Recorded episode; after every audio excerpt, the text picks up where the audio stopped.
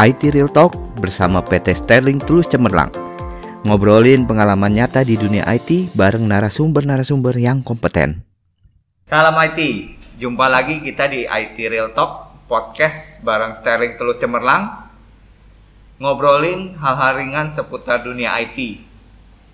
Ya, eh, hari ini sudah hadir dengan kita Pak Petrus Eka Margo. Eh, beliau Direktur PT Sterling Tulus Cemerlang. Ya, selamat pagi Pak Petrus. Ya, selamat pagi Pak Riki. Ya. Ah, Nah, eh, Pak Petrus hari ini kita mau ngobrolin eh, seputar industri solution untuk komoditi ya Pak Petrus. Jadi memang kalau kita lihat customer-customer Sterling ini banyak yang bergerak di industri eh, komoditi. Eh, mulai dari yang company-nya yang skalanya medium sampai yang pabrik company ya, Ya. Pak Petrus. hmm. Nah, eh, kalau boleh saya tahu Pak Petrus, eh, AS Commodity ini apa sih Pak Petrus? Ya, jadi eh, AS itu Industry Solution Mm-mm. Commodity ya. Eh, sebenarnya gini, SAP itu kalau yang kita pakai sebagai dasar kita untuk implementasi di perusahaan-perusahaan itu adalah yang general.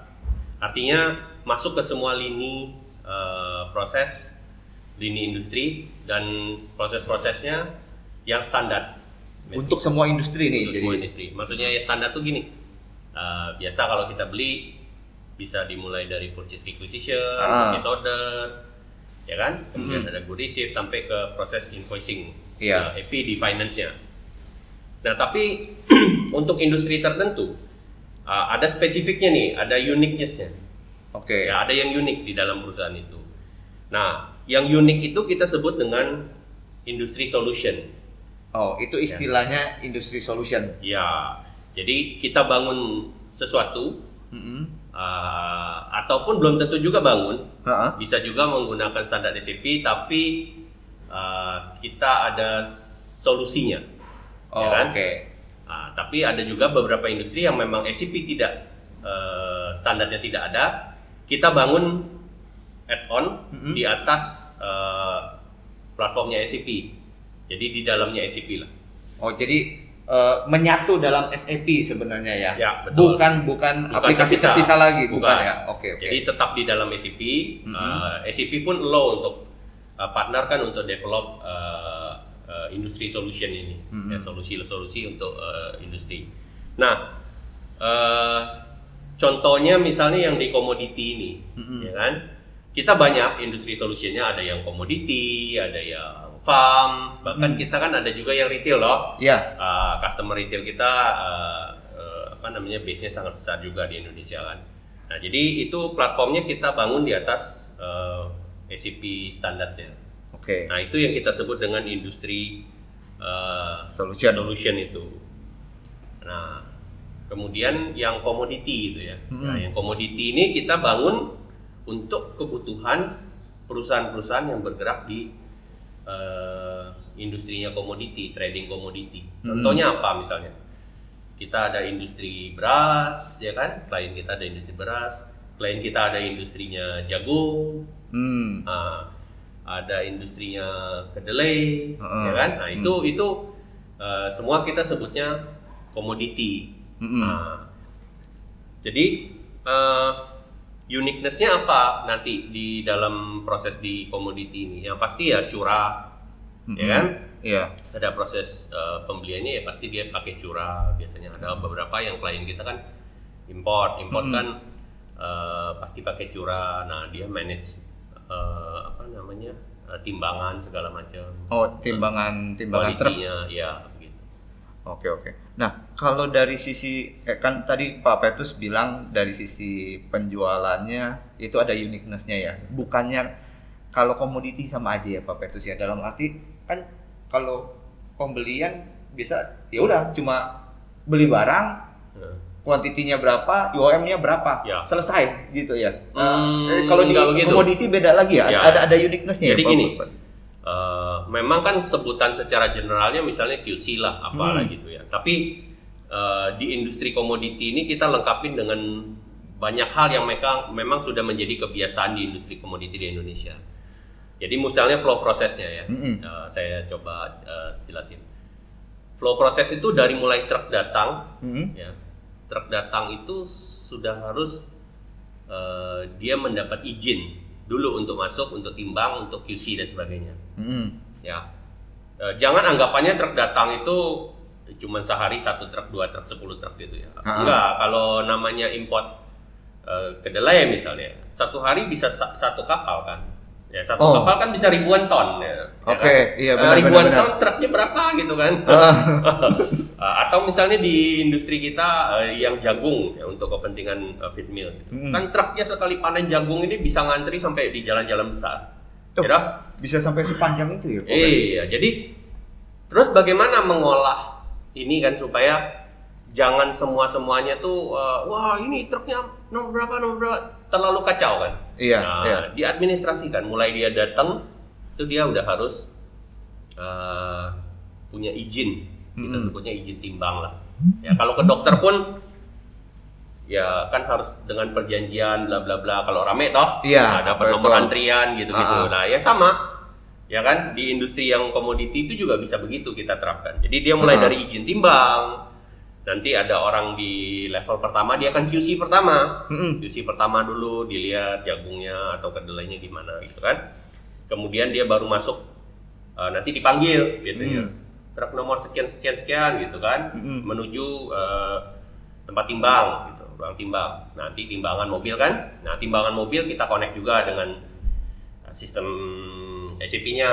Mm. Jadi nggak perlu lagi diketik ulang segala macam. Oh, jadi otomatis tuh dari mesin timbangannya si SCP-nya bisa ngambil Ya, data. nah, kita bisa komunikasi dengan mesin timbangannya.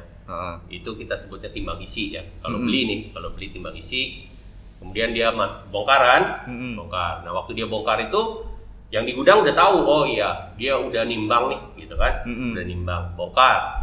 Bongkar dia QC kedua lah biasanya. Mm-mm. Nah, dari QC kedua nanti orang gudang kan memberi catatan kan, Iya. ah oh, ini ini ini eh, quality segala macam kadar air refaksinya gini gini gini kotor apalah segala macam kan ada bong eh, masih aja ba- banyak bonggol misalnya kalau di jagung selesai timbang eh, apa selesai bongkar masuk lagi timbang kosong Mm-mm. ya kan timbang kosong baru dia eh, nunggu biasanya sopirnya atau keneknya masuk ke ruangan si finance lah Heeh. Ah, di situ data di finance sudah langsung dapatkan. Oh ya timbangan kamu segini ton misalnya. Oh 9,987 ton misalnya, ya kan? Surat jalan segini, refaksinya kan tertera toh dari QC. Ini bonggolnya masih banyak, Mm-mm. sampahnya masih banyak, ya kan kadar air segini. Nah, udah ada tabel refaksinya, potong sekian. Ah, terus eh, print lah, tanda terima. Eh, dia datang lagi ke finance kedua, kasir ibaratnya Ah. finance kedua dibayar. Jadi Nah, jadi eh, itu yang petani lah, yang Ah. petani harian ya. Nah, jadi benar-benar terintegrasi mulai dari jembatan timbang sampai mulai dari bayar. izin masuk, izin Iya, masuk itu udah ada dari ya? solusinya dari Oh, sistem yang kita bikin di oke, oke. SAP. Jadi dia nggak perlu lagi dia catat manual, bla bla bla, nomor antriannya ya izin. Eh, iya, karena Gitu. kan biasa kalau ada beberapa memang karena prosesnya memang harus beberapa step, biasanya kalau memang nyatet manual kan Ya, ya. PR Bisa, banget bisa itu ya kan. Dan itu menghindari juga eh, ya, apa namanya ada eh, permainan biasanya misalnya kan Hmm. Nah, mencegah ada permainan wah ini didahulukan bla bla bla gitu. Nanti ribut lagi di lapangan kan. Enggak. Pokoknya ini pakai sistem begini diatur. Ya pokoknya seperti inilah. Seperti kita di bengkel kan ada antrian noh Iya, betul. Ah, ke dokter ada antrian kan Ah. Nah, ya seperti itu terus kan di dalam nih nanti ada lagi yang uh, urusan lain-lain ya bukan cuma sekedar antrian begitu untuk memanage antrian banyak Hmm. nanti perhitungannya segala macam termasuk inventory inventorinya juga pasti ada ada ada Iya, perhitungannya sendiri betul. lagi ya karena kan kalau yang namanya komoditi itu pasti ada ya kayak tadi pas terima barang ada diukur kadar air kan ya Pak Petrus ya heeh. pas disimpan pun juga pasti kan ada Ya. bisa jadi ada perubahan Ya, kadar betul. airnya juga kan selama Ah. dalam penyimpanan Ya, jadi mulai dari masuk tadi Hmm. kita handle prosesnya itu mau pe- petani istilahnya harian ya kan Hmm. bahkan kita nggak kenal Bang. dia dia cuma nawarin ya udah terima bisa terima kan selama Ah. masuk quality handle petani yang harian yang dia langsung bayar kita bayar ada yang kita handle-nya uh, pengepul, Hmm. uh, atau misalnya memang perusahaan yang uh, importir atau trading jagung besar Ha-ha. itu bisa udah bisa dihandle semua. Nah, kemudian waktu untuk penerimaannya uh, kita integrated hitungan neto, uh, eh, hitungan gross, hitungan neto quantity, uh, karena itu ada ada ada apa namanya ada perhitungan tertentu kan tadi Oke. yang saya cerita bahwa Ha-ha. Oh kamu kirimnya surat jalan 10.000 Hmm. ya kan timbangan kita 9.970 misalnya Ha. gitu kan ah, berarti kan ada susut toh Iya, Ya, betul. namanya susut. susut. itu kalau barang curah ya biasa susutnya nah ya susutnya itu masih dalam Range. eh, toleransi atau enggak gitu kan nah, kemudian eh, rafaksi tadi Mm-mm. ya kan rafaksi kadar air Eh, terus ada misalnya potongan lagi eh, kebersihan oh, kebersihannya itu juga. maksudnya kalau misalnya contoh di jagung tuh kan Nah. ada bonggolnya banyak bonggolnya kan sebenarnya nggak bisa dipakai ya kan banyak Ah. pasir banyak bonggol gitu kan itu kan nggak bisa dipakai sebenarnya Iya, kan? itu kan PR banget tuh. Lah iya, dijual. rafaksi pun contoh rafaksi itu kadar air itu misalnya pas dicek gitu 20 gitu. Hmm. Padahal mungkin standarnya 15 16 gitu kan. Nah, Hmm. kan berarti kan nanti harus di dryer lagi, di dikeringkan lagi gitu kan. Mm-mm. Kan susut lagi kuantitinya. Iya, secara iya. secara kilogram atau tonasenya kan susut lagi. Nah, itu kita handle tapi di SAP kan kuncinya costingnya. Kamu beli kuantiti titik awal itu, kamu misalnya 9.980 gitu ya Heeh. atau 70 9.970 eh, kilo. Iya. Nah, nilainya misalnya 10 juta gitu ya. Nah, mau berapapun nanti susutnya kan nilainya harus tetap Harus 10 tetap, juta kan karena iya, kita bayarnya 10 juta terhadap si eh, petani waktu kita beli itu. Heeh. Nah, jadi proses di dalam itu bisa proses macam-macam nanti ada drying, ada apa gitu kan. Hmm. Nah, tapi eh, nilainya kita jaga di sistem. Yang penting Ah. itu sebenarnya ya. Sehingga waktu kita jual kan oh ya per kilonya tetap se- eh, se- segini loh, ya kan. Ah, Nilai ah. 10 juta itu dibagi dengan total quantity waktu kita punya stok di sistemnya, Hmm. ya udah jadi segini kita punya COGS kan atau HPP-nya. Hmm. Ya secara total memang 10 juta, tapi kan bagi berapa gitu kan. Iya, iya. Gitu, Oke. Bang. Nah, kalau berarti pembelian inventory Nah, itu kita udah bisa dapat semuanya lah di Iya. sistemnya. Nah, kalau untuk proses penjualannya sendiri eh, samakah atau ada yang unik juga, Pak Petrus? Nah, se- sebelum jual sebenarnya kan ada proses biasanya ya. Ah. Eh, kebanyakan tuh trading tapi bukan langsung trading. Oh, bukan beli langsung jual. Eh, belum tentu juga. Ada Oke. juga kadang-kadang dia proses di tengahnya. Proses kalau di manufacture itu seperti proses produksinya. Tapi ini simple proses produksi. Contoh kita handle misalnya yang kedelai ya. Heeh. Kedelai itu ka- kalau import misalnya ada proses nanti di blowing di blowing gitu ya Heeh. untuk memisahkan eh, sampah-sampahnya. Ya. Nah, itu bisa dapatnya nanti satu produk kedelai yang kita impor itu Mm-mm. atau customer impor itu nanti akan jadi tiga produk misalnya. Heeh. Ada kedelai utuh, kedelai pecah, ada menirnya, Heeh. ya kan? Nah, ada it- itu ada proses produksinya, simple proses production. Karena ada yang orang mau beli uh, ya yang harganya segini ya bisa jadi kan kedelai yang utuhnya berapa, kedelai yang pecahnya berapa gitu kan. Kemudian ada lagi yang uh, contoh beras. Mm-mm. Beras tuh ada yang kirimnya beras yang udah jadi beras, Mm-mm. ada yang petani kirimnya dalam bentuk gabah.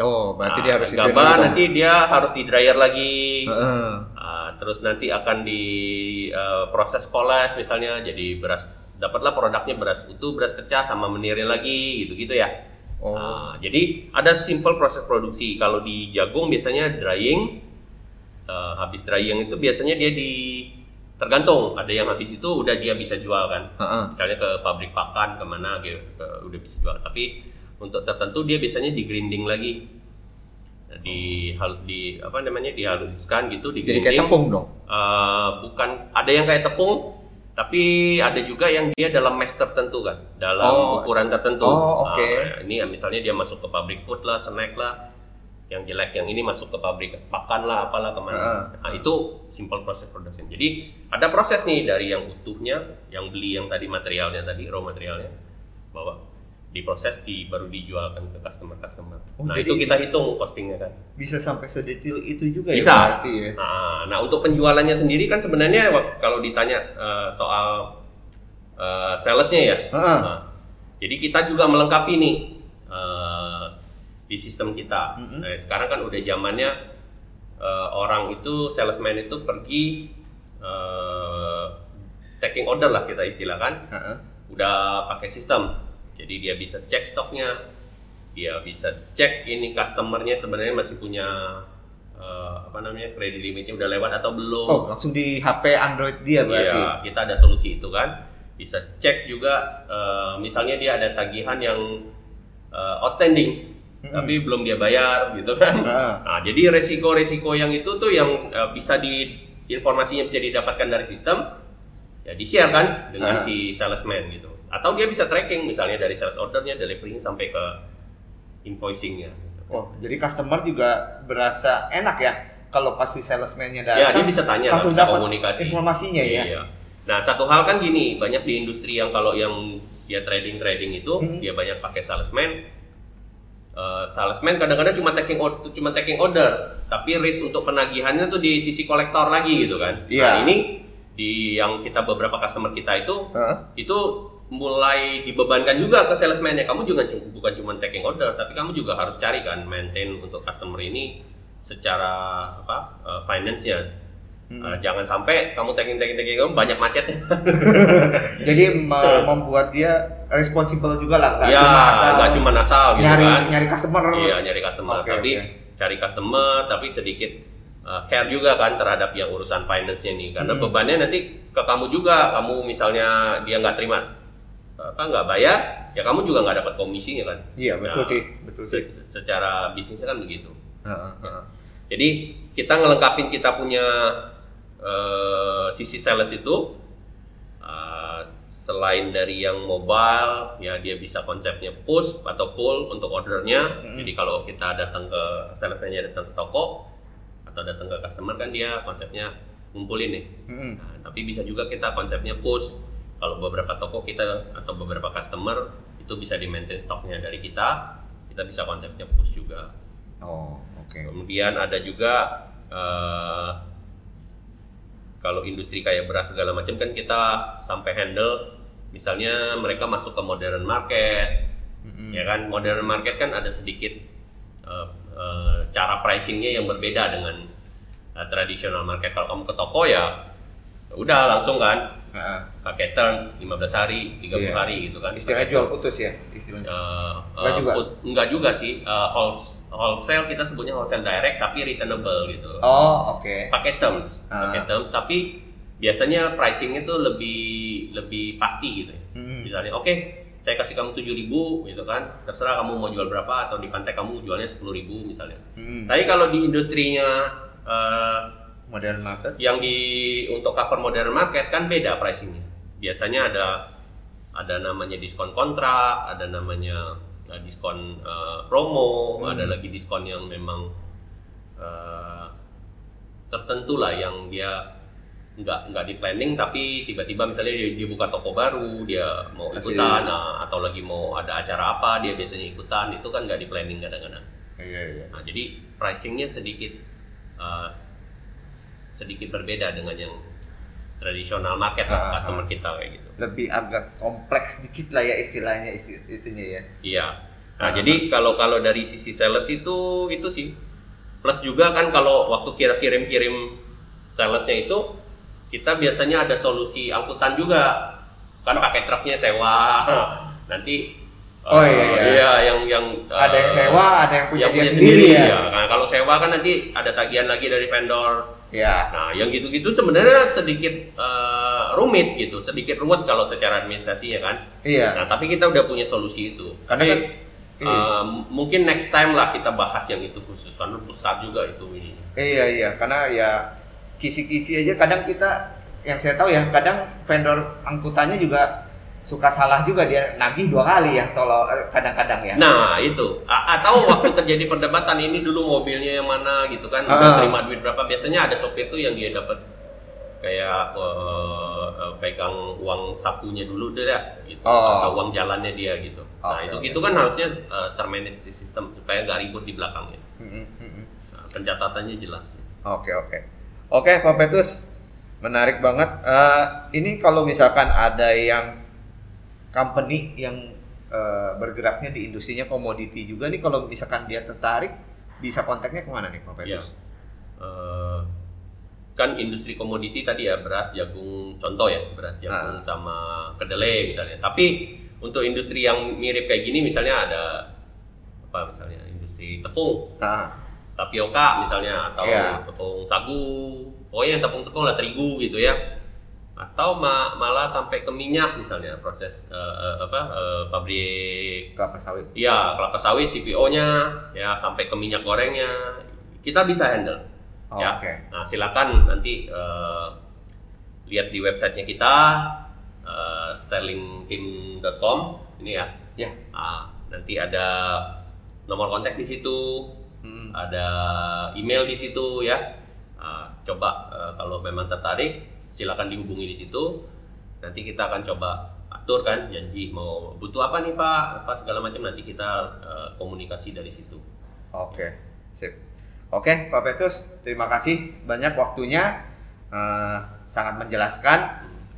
Uh, jangan lupa teman-teman uh, ikutin terus podcastnya IT Real Talk ngobrolin seputar dunia IT di Google, di uh, Apple, kemudian di Spotify dan juga di channel YouTube Sterling Tulus Cemerlang. Salam IT. Salam IT.